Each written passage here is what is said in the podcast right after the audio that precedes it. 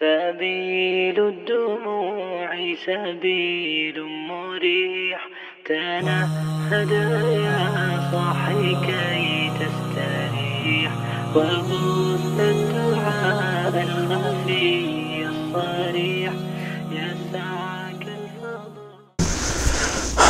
alaikum wa rahmatullahi wa barakatuhu. Svaka hvala zahvala pripadaju Allahu subhanahu wa ta'ala, salavati i salame donosimo na njegovog poslanika, minjenika Muhammeda sallallahu alaihi wa sallam, na njegovu časnu porodicu, ashabe i svane koji ga slijede do sudnjeg dana.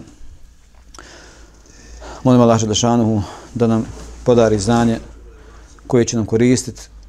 Molim Allah Želešanuhu da nam podari iskrenosti u dijelima, da nas sačuva od licemjerstva, od pretvaranja, da sve ono što radimo, radimo samo radi njega subhanahu wa ta'ala. E, večeras, kao što znate, jeste način nastavak na prošlo naše druženje, gdje smo govorili o oholosti. Prošli put smo se dotakli par tema koje se tiču oholosti. Kao prvo obradili smo definiciju oholosti. Zatim smo spomenuli tako gdje sve biva oholost, a to je u znanju, u radu, u e, porijeklu i tako dalje. Zatim smo spomenuli neke primjere oholosti, primjer, primjer Iblisa, prokletog faraona, e, Ada, Temuda, Šajbovog naroda i tako dalje. Nakon toga smo e, govorili kako utiče e, oholost na čovjeke neke primjere oholosti. Večeras uz Allah pretočalnu pomoć govorit ćemo o uzrocima oholosti, govorit ćemo o posljedicama oholosti i na kraju ćemo govoriti o liječenju ovog problema. Pa kao e, prvi uzrok oholosti navest ćemo to da je e, želja da čovjek ne bude e, ovisan ni o kome ili da ne bude potčinjen nikome. Pa znači čovjek je tako iz neke svoje želje da ne bude potčinjen nikome, dođe mu taj, pojavi se osjećaj neke njegove neovisnosti. Pa se zbog toga čovjek uzohali Pa kaže Allah Želešanuhu, kella innel insane la jatoga, ra'ahu stagna, kaže u istinu čovjek se u objesti kada osjeti da je neovisan. Znači čim se osjeti neovisnim, čovjek se u objesti, uzoholi se, insan. Pa e, islamski učenjaci kada govore, kada komentaršu ovaj ajet, e, spominju hadis poslanika, kaže poslanik sallallahu alaihi ve sellem dvojica su, kaže, nezasita. Znači, ne mogu se zasititi, a to su onaj koji traži znanje i onaj koji traži dunjaluk. Pa ova prva stvar nam je, uglavnom svima jasna, da onaj koji traži znanje, koji osjeti slast tog znanja, takav se ne može zasititi. Pa onaj koji ispravno shvati zbog čega stiče znanje, ne stiče se znanje da bi neko bio profesor, da bi neko bio daja, da bi neko bio, ne znam, imao neku funkciju. Onaj ko osjeti slast znanja, slast imana, takav, bez obzira e, imao od tog znanja neku dunjalučku korist ili nemao, takav će e, osjetiti znači, tu ljubav prema znanju, takav će uspjeti u onome što je naumio. Tako da znači onaj koji bude imao veliku ljubav prema znanju, takav se ne može zasititi znanjem. Dok onaj koji e, drugi, jel tako, koji se ne može zasititi, kao što kaže poslanik sallallahu alejhi ve sellem, jeste onaj koji traži dunjaluk. Onaj koji traži dunjaluk, koliko god da ima, koliko god Allah žele da mu dadne, takav bi još više da ima zbog toga što je njegovo srce vezano za ovaj prolazni svijet. Pa ćete danas vidjeti, bez obzira bio neko milioner, milijarder, koliko god da ima, opet hoće da ima još. Allah mu dadne da ima, znači i on i njegova djeca i njegovi unici da imaju za čitav svoj život i opet traži još da ima preko toga, znači njegova duša ne može da se zasiti tog dunjaluka koji je njemu podaren, pa hoće da ima tako još više. E sad, koja je veza između ovoga i ovoga o čemu govorimo? To je znači da e, onaj koji se osjeti neovisnim, znači koji ne, ne želi da bude ni po tuđom, što bi rekli, kapom, znači hoće da je neovisan, takav misli da je on taj koji e, sam sebi daje na faku. Zaboravlja na Allah Želešanu. Na faku da Allah Želešanu. Tako da vjernik koji je svjestan da je ovisan od Allah Želešanu, da ne može ništa da ima bez Allah Želešanu, bez njegove dozvole, takav je rahat, zna da ga Allah neće ostaviti, trudi se, tako normalno da zaradi, poduzima sebe, međutim, zna da ga Allah neće ostaviti na cjedilu, dok onaj koji se osjeća neovisnim, uvijek je tako želi da ima što više jer misli da on sam sebi izvor. Na fakije, da on sam sebi je tako e, priušti sve to što ima. Tako da takav se boji za svoj dunjaluk, takav voli, zavoli dunjaluk i takav se sve više i više trudi da ima što više od svog od dunjaluka. Zatim, e, od uzroka jeste, znači velika želja da čovjek bude uvijek najbolji. Želi da uvijek bude u društvu, u vrhu negdje, da ga svi tako njega voli, da, da, da mu se svi e, zahvaljuju na nečemu. Znači osjeća potrebu da mu se drugi njemu zahvaljuju. Osjeća potrebu da ga drugi primijete. Tako znači ovo često biva uzrokom da se, e, da se neko uzoholi, pa ako se desi da njemu, znači društvo oko njega, da mu se može ne zahvali na nečemu što on misli da treba da mu se drugi zahvali, onda on to nadomjesti svojom ohološću uzoholi se jer smatra da su drugi dužni da se njemu zahvali. Smatra da drugi moraju da primijete njegovo dobro koje je uradio, pa ako se to ne desi, onda on to pokušava da nadomjesti time što počinje da tako da se oholi, da se uzdiže na drugim ljudima. Također od razloga jeste da onaj koji se oholi, znači osjeti, odnosno primijeti kod sebe neke manjkavosti. E onda da bi te manjkavosti prikrio, on pokušava da bude, da se pokaže kao neko ko je velik, ili tako, kao neko ko je bitan, samo kako ljudi ne bi kod njega primijetili njegove mahane, znači kako bi primijetili to njegovo uzdizanje, njegovu oholost, pokušava s tim da prikrije svoje mahane. Pa Poučenjaci tako mudraci često navode primjer onoga koji se oholi kaže primjer njega je kao primjer čovjeka koji je na brdu i od ozgo kaže ljude gleda da su oni mali, ali nije svjestan da i njega ljudi vide malim. Znači, bez obzira što je on na brdu, opet ovi koji su od ozdo vide ga i on je njima sićušan kao što su i drugi ljudi njemu sićušni. Tako da znači neko pokušava s tim, jel tako da e, nadomesti sebi te neke svoje mahane ili nekako pokušava da jel tako prikrije sa time što se oholi, što pokušava jel tako da prikaže sebe ljudima kao neko ko je bitan i s time jel tako sakriva svoje mahane. Sljedeći od uzroka, od uzroka jeste e, preterivanje u skromnosti od strane drugih ljudi. Što ovo znači? E, nekad ljudi oko nekog čovjeka koji su previše se prave e, skromni. I onda ne znam ko će uraditi ovo, pa neću ja, eto, znaš, ima neko je pametniji, ne znam ti ja to, iako možda nešto zna. I onda, znaš, ovaj kaže, bude previše skroman, pa neko drugi, pa neko treći, onda ovaj se ufora, pa vidi čovječ, on ne znaš, znači onda ja sam taj koji zna, ja sam taj koji treba da uradi. Iako možda i drugi znaju da urade, ali iz neke svoje pretjerane skromnosti, ili možda recimo ili u pitanju, recimo, nošenja odjeće, lijepe odjeće, pa ljudi neće da nose sve iz, neke, iz tog nekog zuhoda, ali tako nose E, ishaban odjeću i tako dalje, i onda onaj koji je, ko se od nje tako, odvaja, u njemu se tako probudi ta neka potreba da se oholi, pa umisli sebi, ali tako, znači ovi niti imaju šta da, da ubugu kao ja, niti su pametni kao ja, znači šta god, e, neki problem, ne znaju da riješi problem, ja znam da riješim i onda znači tuđa e, pretjerana skromnost prouzrokuje kod ljudi da se uzohole i da se uzobijesti. Također, od uzroka jeste pobrkane vrijednosti. Znači, pobrkaju se ljudi, vrijednosti kod ljudi, pa ćemo naći tako da ljudi cijene nekoga ko je bogat, ko je ugledan, ko ima neku jel tako, bitnu funkciju u državi ili bilo gdje, jel tako, bez obzira bio on grešnik ili bio kakav god da je, znači ne obazire se na njegovo imansko stanje, već znači on je, jel tako, bitan, bitna je faca, ima neko posebno mjesto, pa ljudi, ali tako, dodvoravaju mu se, ne bi možda kakvu korist od njega izvukli. I onda takve ljude, jel tako, uzdižu, dok one koji su siromašni, ali opet svojim srcima nose takvaluk, Allahu Želešanu su bliski, oni su nebitni jer nemaju nikakvu funkciju, nemaju ljudi od njih nikakve dunjalučke koristi. I baš iz tog razloga što se pobrkali tako vrijednosti, ljudi više ne cijene ono, ono što bi trebalo tako da cijene, već vrednuju samo ono što je prolazno i onda to tako prozrukuje da se pobrkaju vrijednosti kod ljudi. Prenosi se u jednom hadisu da je prošao jedne prilike čovjek pored poslanika sa dok je sjedio sa ashabima, pa pita poslanik sallallahu alejhi ve sellem njih kaže šta mislite o ovom čovjeku, a bio je bogat, bio je, što bi rekli, imao neko svoje mjesto, pa kažu ashabi, on kaže, zaslužuje da kada zaprosi da mu se dadne djevojka da oženi, kada se za nekoga zalaže ili zagovara da mu se to ispuni i kaže kada govori da bude saslušan. Znači, on kad govori treba da se šuti, da se čuje šta on govori.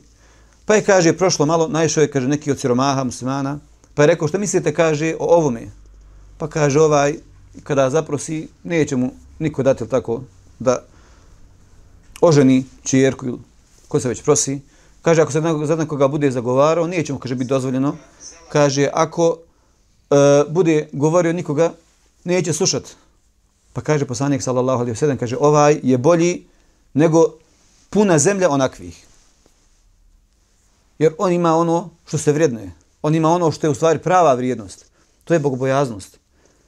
Nije vrijednost to da je neko ugledan, da neko ima imetka, da se neko nosi lijepo, da neko ima, e, ne znam, jako projekli i tako dalje. To se nevrijedno kod Allaha Đelešanu. Kod Allaha Đelešanu se vrijedno ono što nosiš u svojim prsima od imana. Koliko si ti ja, koliko si ti blizak sa Allahom Đelešanu. To je ta prava vrijednost i ono što se kod Allaha Đelešanu najviše vrijednuje. Sljedeći e, od razloga jeste da čovjek uspoređuje svoje stanje ili e, blagodati koje on ima sa blagodati drugih ljudi. Allah Đelšanu nekom je dadne više, nekom je dadne manje.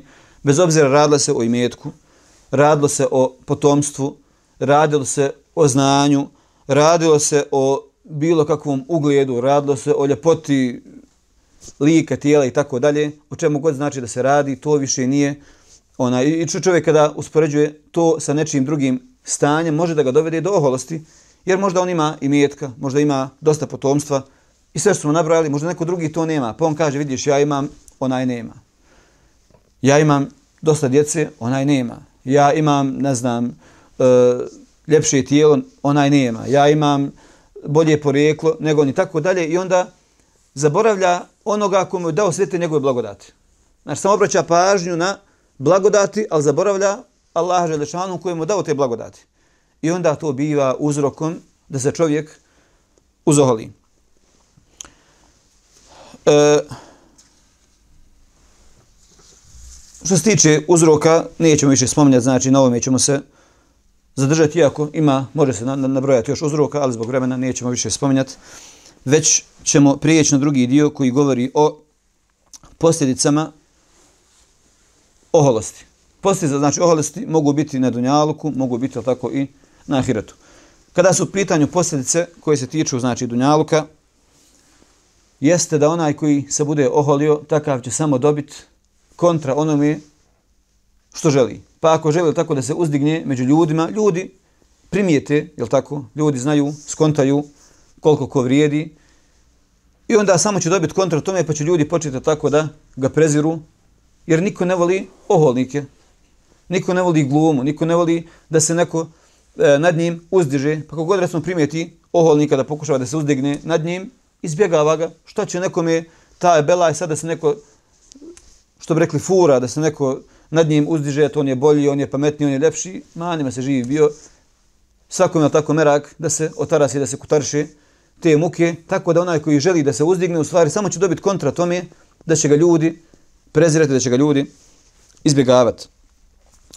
E, druga od posljedica jeste da onaj ko se bude uzoholio, Allah Želešanu će od njega E, uh, uzeti to da bude u stanju da uzima pouku iz Allahu Đelešanuhu ajeta i znakova kao što kaže Allah Đelešanuhu sa asrifu an ajati alladine ledine tekabbaruna fil ardi bi gajri l'haq kaže zaista ću e, odvratiti od mojih znakova one koji se na zemlji ohole i uzdižu.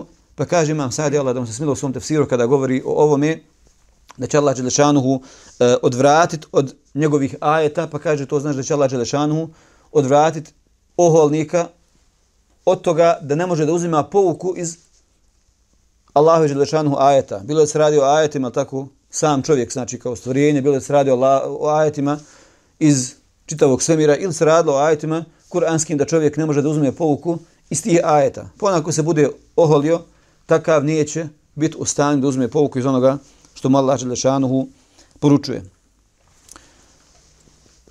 Također, e, onaj koji se bude uzoholio kao posljedicu dobit će prijetnju poslanika sallallahu alejhi ve sellem da će ga na ovom svijetu je tako steć zato će kazna.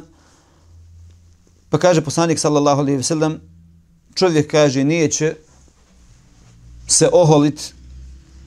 Sve kaže dok kod Allaha dželešanu ne bude upisan među silnike i nepravednike i kaže dok ne bude završio kao što su oni završili pa znamo tako kako je završio faraon kako su završili ostali silnici oni koji se uzoholili Pa ovo ne znači, jel tako, da onaj koji se bude e, rasitnice oholio da će odma biti upisan, ne, već ovo znači da onaj koji bude imao kod sebe e, makar malo oholosti, ta oholost neće tek tako ostati na tom nivou. Oholost uvijek raste. Pa onaj koji se oholi, takav ima potrebu sve više i više da pokazuje tu svoju oholost. Pa ako se neko možda, jel tako, na nekoj sitnici oholi, neće se šeitan na tome zaustaviti već jel tako, nagovarat će ga i trudit će se šeitan da se taj sve više i više uzoholi sve dok ne dođe do tog nivoa da bude poput e, ovih silnika koji su završili kako su završili i dok ne bude završio kako su i oni završili kao što kaže poslanik sallallahu alejhi ve sellem.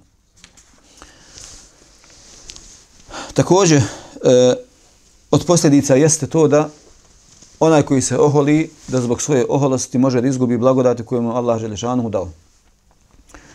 Ovo nalazimo u primjeru kada je jedne prilike poslanik sallallahu alejhi ve sellem vidio jednog čovjeka koji je jeo lijevom rukom. Pa mu kaže poslanik sallallahu alejhi ve sellem kaže jedi desnom rukom. Pa kaže ovaj čovjek ne mogu. On je mogao, al iz svoje oholosti nije al tako volio da njega sad neko kritikuje, da neko njemu govori kako je to on e, pogrešno postupa, pa ga ta njegova oholost spriječila, jel tako da posluša, pa kaže ne mogu. Pa kaže poslanik sallallahu alejhi ve kaže i ne mogu da Bog da. Pa kaže više nikad nije svoju ruku podigao do usta. Zbog svoje oholosti i zbog dove mazluma ne smijemo sebi dozvoliti tako da nas zadesi to da nam Allah Đelešanu uzme neku od blagodati. Pa tako vidimo ovdje da, čo, da je ovaj čovjek zbog svoje obijesti i oholosti onako samo, znači mogao je, međutim nije volio da ga neko savjetuje, što jeste od osobina oholnika, da oni ne vole voli tako da ih drugi ljudi savjetuju, da ne bi to slučajno značilo kako on manje vrijedi na tako.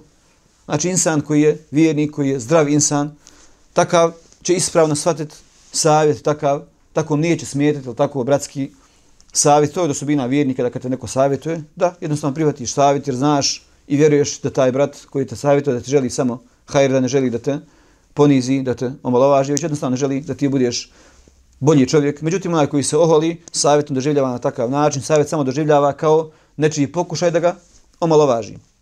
Pa je poslanik s.a.v. njemu dovio, jel tako? Ne možeš i ne mogu, a znao je da može. Međutim, dova poslanika s.a.v. se okabula, pa je čovjek, jel tako, više nikad nije mogao da podigne svoju desnu ruku. Pa iz ovoga tako izvlačimo da ne smijemo nikad mi e, nekim svojim ponašanjem, ohološću i tako dalje, da izazovimo nekoga da dovi protiv nas. A posebno da nekome, jel tako, E, učinimo nepravdu, pa da nas pogodi dova mazluma ne dolaže šanu zbog naše oholosti, pa da nam Allah Želešanu uzme neku od naših, od naših blagodati. Također, e, od posljedica jeste, iako ovo može biti tako i dunjalučka i hiretska posljedica, da onaj koji se oholi, da e, može da tom ohološću pruzrukuje propast, pa kao što se navodi tako u jednom hadisu, gdje kaže poslanik sallallahu alejhi ve sellem kaže jedan od ljudi koji je živio prije vas u prijašnjim narodima kaže išao je hodao je u odjeći u kojoj se sam sebi dopadao oholio se jel tako koji je kaže zalizao svoju kosu.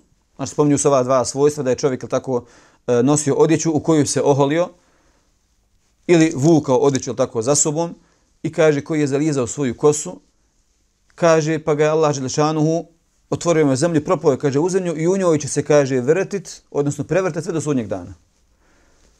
Znači, čovjek ne smije da radi ono što ukazuje na oholost.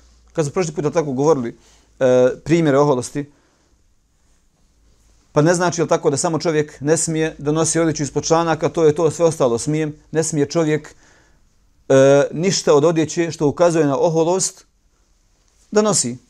Znači, neko će reći, e sad ja ću podiću, odiću iznad članaka, ali ću vama nositi tako svašta nešto što ukazuje na uforavanje, na oholost i tako dalje. Znači čovjek treba da izbjegava sve ono što se smatra ohološću. Pa ovo ne znači tako da čovjek ne smije da se lijepo češlja, da čovjek ne smije da e, izgleda lijepo. Znači čovjek ne smije da radi ono što ukazuje na njegovu oholost. Ne smije tako, treba da izbjegava sve ono što će dovesti do toga da se on uzdiže nad muslimanima, tako i da se, da se oholi. E, što se tiče posljedica na onom svijetu, onaj koji se oholi bit će sigurno među onima koji su propali. Pa kaže poslanik sallallahu alejhi ve sellem kaže trojica nemoj pitati o njegovom stanju. Znači trojica će biti na sudnjem danu će propasti, kaže nemoj pitati o njegovom stanju. Pa kaže čovjek e, koji se miješa u Allahu, što bi rekli, e, miješa se u tu Allahovu gordost, u Allahu Đelešanu veličinu. A kaže, Allahova odjeća ili Allah Đelešanu je ogr, e, ogrnut sa ponosom i sa veličanstvom. Znači, niko se u to Allahu ne smije petati. To priliči samo Allahu Đelešanu. Gordost, veličanstvo, e, ponos tako dalje, to pripada Allahu Đelešanu. Mi u to ne smijemo da imamo udjela. Pa kaže prvi, je tako, u kojima kaže poslanik kaže o trojici ne pitaj, prvi jeste taj, drugi kaže onaj koji sumnja u Allahu Đelešanu određenje u njegove naredbe i treći kaže onaj koji je izgubio nadu u Allahu Đelešanu milosti. Pa vidimo tako ovdje da će sigurno oni koji su propali na sudnjem danu biti između ostalog i onaj koji se petlja u Allahu Đelešanu gordost u njegovo veličanstvo. A to je tako kad se pojavi kod ljudi to je oholost Međutim, kada Allah Đelešanu tako to nazivamo, veličanstvom gordošću, jer to Allah Želešanu kao vladaru svih svjetova priliči dok njegovim robovima ne priliči.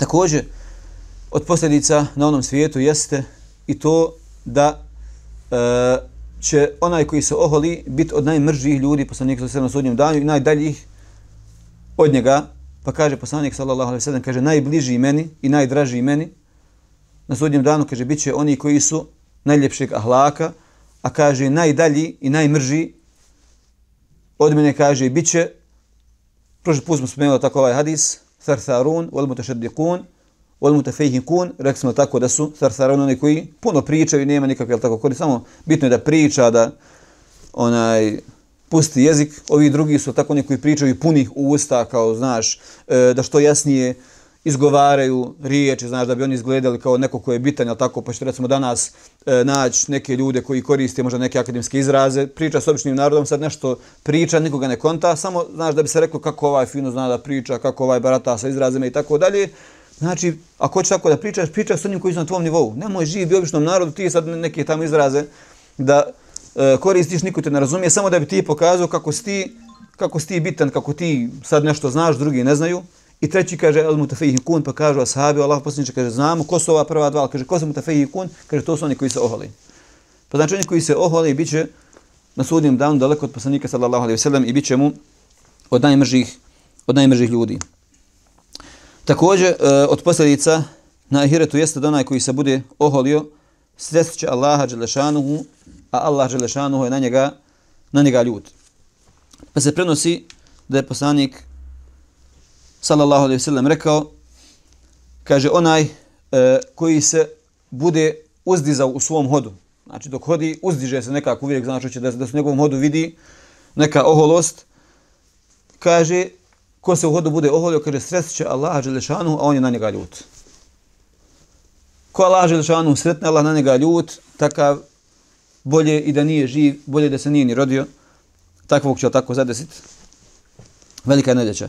Također, e, od posljedica jeste na onom svijetu da će oni koji su se oholili, da će biti proživljeni i da će biti e, omalovaženi ili nebitni, jel tako, na onom svijetu. Pa se prenosi jednom hadisu gdje kaže poslanik sallallahu alaihi sallam, kaže i zaista će se oholnici na sudnjem danu, kaže, bit će proživljeni poput, kaže, crvenih mrava. Znači, uopšte neće, bit će u likovima ljudi, ali će, kaže, biti sitni poput mrava. I ovdje tako poniženje, doživljavajući će sve vrste poniženja. Niko ih neće primijeti, svako će ih gaziti.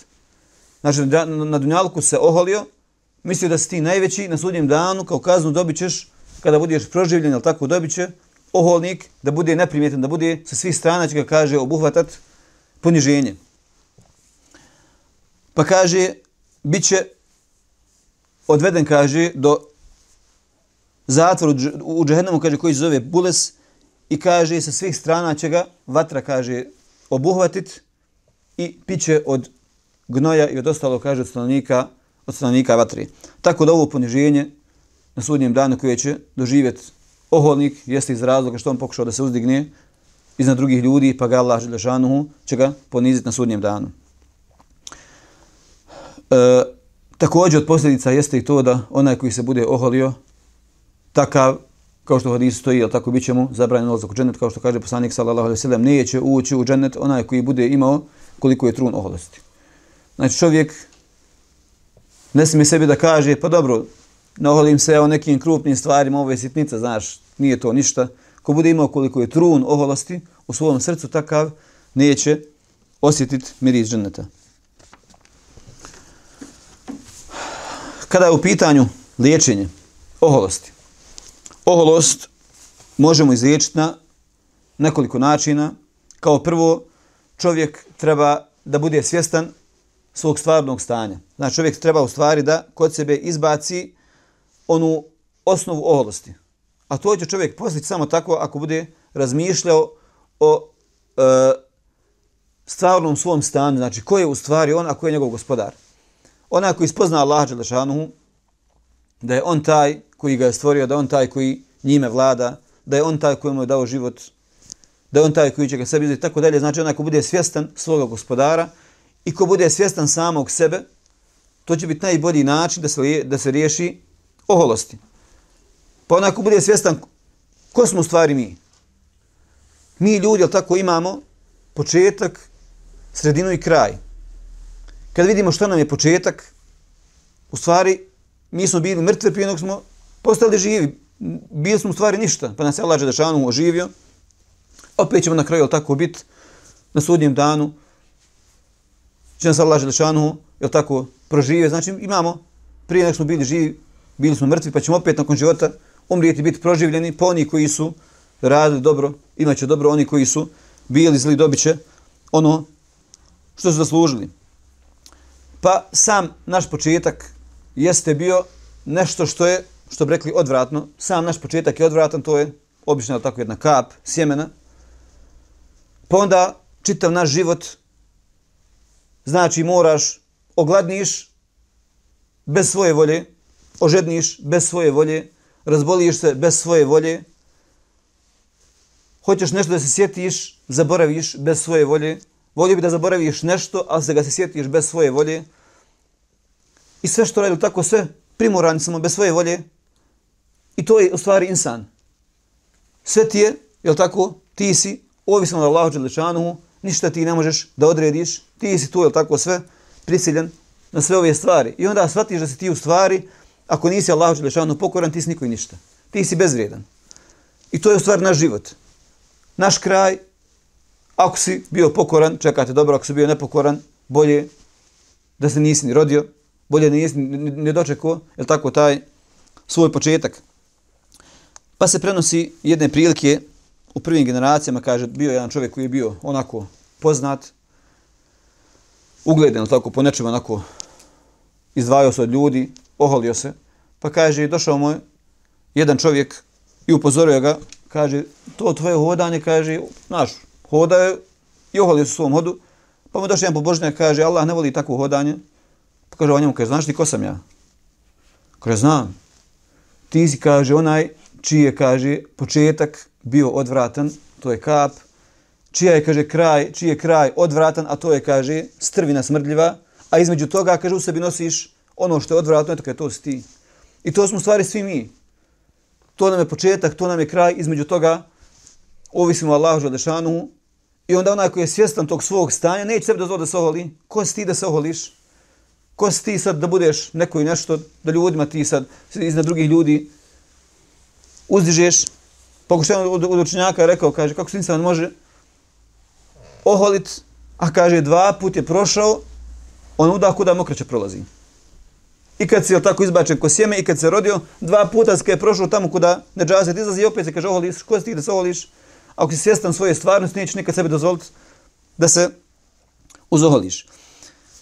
Također, e, od načina kako ćemo se riješiti, znači onaj koji ima oholo smo Allah da nas sačuva toga, ali eto uvijek se ovako obraćamo tako kako ćemo, jer ne dolaže Đelešanu da, da nas time iskuša, ali eto, ako nas Allah Đelešanu iskuša, da možemo tako da od sebe otklonimo ovu bolest. E, drugi način jeste da gledamo u uzroke u uzroke e, ovog problema. Kad se vratimo na uzroke problema, onda možemo tako to da promijenimo i da vidimo tako e, zbog čega smo bili oholi. Pa ako je uzrok ovog problema bio, da kažemo, naš ugled, naše porijeklo, to ćemo kod sebe liječiti na način što ćemo biti svjesni da u stvari svako kod Allaha Đelešanu nevrijedno je uopšte naše porijeklo, to ko smo mi, šta smo mi, to u stvari, tako, ko je bio naš babo, naš dedo i tako dalje, to nema veze sa nama. Mi nosimo svoje i mi se svojim porijeklom ponosimo samo ako je naše porijeklo tako bilo ispravno, a neki ljudi kaže ja znam, moj dedo je bio taj, taj, čovjek niti bio musliman, niti bio ništa, tako pa se ponosi, znam ja, kaže, toliko i toliko uh, od svojih ovaj djedova i predidova, pa se ponosi tako nečim čime ne bi trebalo da se ponosi. Pa u jednom hadisu kaže da su do, došla dvojica, kod poslanika sedam kaže, čuje ih kako se raspravljaju o svom porijeklu. Pa ovaj jedan rekao, kaže, ja sam sin toga i toga, kaj ti ne znaš svoje porijeklo, kaže. Pa mu rekao, kaj ti koji e, ni majke nemaš, kao u tom smislu je bilo uvreda kad, kad neko ne zna svoje porijeklo. Kaže, ja sam taj sin toga, ti kaže, ni majku ne znaš. Pa kaže poslanik sallallahu alejhi kaže zaista dvojica su kaže za vrijeme e, Musa ali selam kaže bila su dvojica koja su isto tako raspravila tako o svom porijeklu. Pa je kaže došao ovaj jedan i rekao kaže ja sam sin toga i toga pa je kaže naveo devetoricu koji su bili je tako nevjernici pa ovaj drugi rekao kaže ja sam sin toga sin toga sin islama Pa kaže Allah Đelešanu objavio Musa a.s. kaže reci onome koji se ponosio, koji se ponosio tako sa e, svojim predsima koji su u vatri, kaže on je deseti. Znači ponosio se znači ja sam sin toga, a svi su oni kaže u vatri, recimo kaže on je deseti. A kaže ovaj koji se ponosio svojim predsima ove dvojice koji su bili kaže u islamu, reci kaže da, da je on sa njima treći u džennetu. Znači nije bitno sad poznaješ ti, jel tako, e, svoje porijeklo, ja sam sin toga, sin toga, sin toga, kakve ti fajde ako oni nisu bili muslimani? Što ti da se ponosiš nečim, jel tako, što? Nema neku vrijednost. S tim se ne smiješ ponositi. Treba čovjek tako znati svoje porijeklo, treba da, da istražuje, da nauči. Međutim, da se time ti ponosiš, da kažeš, ja sam, ne znam, sin, ili ja sam potomak tih i tih koji u stvari nisu ni bili muslimani, kakve tebi fajde što se ti ponosiš s tim što si ti potomak nečiji ko nije bio, jel tako musliman, isto da se ponosiš nečim nevjerstvom. Ako znaš svoje porijeklo, ako znaš e, neko tvojih predaka bio borac neki za islam i tako dalje, ponosi se s tim. Ne znam, moj predid je bio muđahid, bio hađija, bio ovo, bio. Ponosi se s tim. Ne smiješ to sad sebi uzeti, e, eh, moj dedo je bio hođa, ja mogu raditi što hoću, to nema veze. Ti se trebaš ponositi svojim porijeklom islamskim. On su bili muslimani, ja se ugledam na njih, tako dalje. Tim se trebamo ponositi. Ali ne smijemo sebi da damo za pravo da nam to bude razlog. E, on je bio hođa, ja ne trebam biti ništa, super, ja ću sa njim u džene, to je to. Tako da se čovjek ne smije ponositi svojim porijeklom ako ono nije ako nije islamsko. E, u drugom hadisu kaže poslanik sallallahu alejhi ve sellem zaista je kaže Allah od vas odklonio kaže džahilijet i ponos sa svojim sa svojim kaže predsima pa kaže musliman odnosno vjernik bogobojazan ili griješnik nesretan pa kažu oni koji komentarišu tako činjaci hadise, dovodi u stvari poslanik sallallahu kaže opisuje dvije vrste ljudi. Znači postoje ili vjernici, bogobojazni ili kaže griješnici koji će biti nesretni na onome svijetu. Pa kaže svi su ljudi od Adema, a Adem je od zemlje. Pa ovdje tako vidimo ko smo u stvari mi. Svi smo mi od Adema, Adem je od zemlje. Mi smo od zemlje nastali, nemamo nikakvu vrijednost. Znači naše tijelo od zemlje, ona duša koja je u nama i ona bogobojaznost, imam to je to što vrijedi, jel tako, a mi ko mi, nastali od zemlje, vratit ćemo se u zemlju i to je to. Pa dalje kaže poslanik sallallahu alaihi sallam, ili će, kaže, ljudi ostaviti ponos sa svojim predsima koji su bili, kaže, nevjernici, ili će, kaže, kod Allaha Đalešanu mu biti bezvrijedni kao što je, kaže, bezvrijedan balegar, kaže, koji gura svojim nosim tako neđasit. Znamo tako balegar, on šta radi, gura one loptice od neđaseta i to je to. Pa kaže, i navodi poslanik sam ovaj primjer, kaže, kod Allah je taj koji se ponosi, kaže, ako ne prestane s tim po, ponosom što se tako uzdiže svojim porijeklom, koje je nevjerničko, kaže, kod Allah je, kaže, bezvredniji od ovog insekta koji gura neđaset. Također poznati hadis kada su dvojica e, iz Benu Israila se preprijeli se, govorili se tako o jedan bio bogobojazan, tako pa je drugi e, onako je bio grešnik, međutim imao je sigurno neko veze sa Allahom Đelešanu.